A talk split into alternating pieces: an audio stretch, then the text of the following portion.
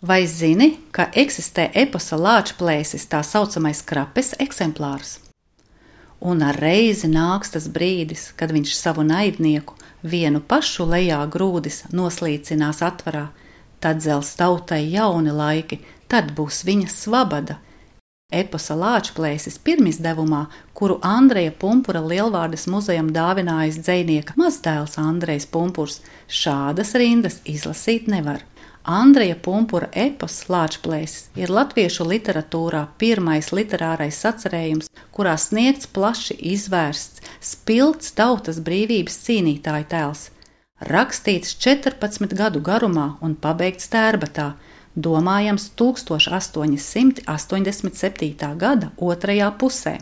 Pirms tā publicēšanas manuskripts bija jānodod cenzūras pārbaudēji Pēc cenzēšanas pumpurs varēja justies reizē laimīgs un nelaimīgs.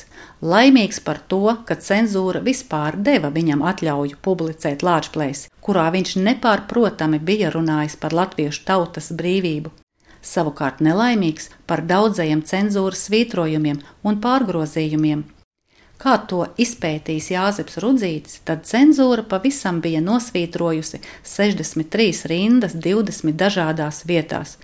Bez tam vēl 44 vietās bija mazāki izlaidumi un grozījumi. Tātad cenzūras saīsināts un ar 44 grozījumiem Lāčplēsis varēja iznākt grāmatā. To publicēja Bernharda Dīriķa un biedru apgāds Rīgā 1888. gadā. Pirmā ziņa par lāčplēšu nākšanu klajā parādījās tieši trešo vispārējo dziesmu svētku pirmajā dienā sludinājumā Baltijas vēstnesī. Grāmatā bija 138 lapuses, tā bija izdota 2000 eksemplāros un maksāja 60 kopeikas.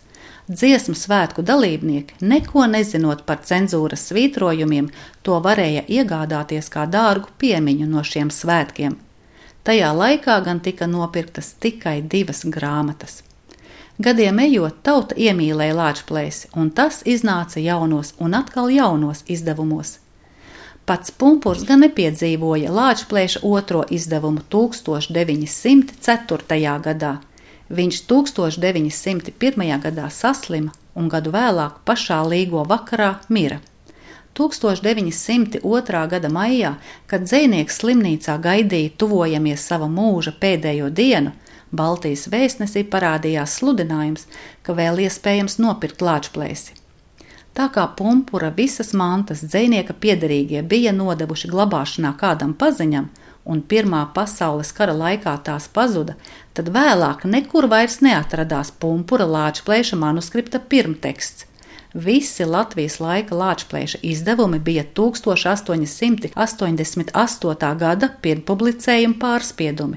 Laiku pa laikam izmainījās tikai ortogrāfija un gramatiskās vārdu formas. Otrā pasaules kara laikā inženieris Ozoliņš kādā krapes pagasta, jeb tagadējā krapes ciema mājā, atrada 1888. gada lāčplēša eksemplāru, kurā uz iestarpinātām lapiņām vai arī pašā grāmatā, ja labojumi bija mazāki, Pats Andrejs Punkurs ar savu roku bija ierakstījis visas cenzūras nosvītrotās rindas, izlabojis visus citus cenzūras sagrozījumus, kā arī drukas kļūdas. Latvijā tagad šis paša pumpura izlabotais eksemplārs ir nosaukts par krapes eksemplāru. Kopš 1947. gada visi publicētie Lāčplēša izdevumi ir sagatavoti ievērojot pumpura labojumus krapes eksemplārā. Šī eksemplāra nobeiguma rindas arī Māra Zālīte ir iestrādājusi sava Lāčplēša beigu daļā.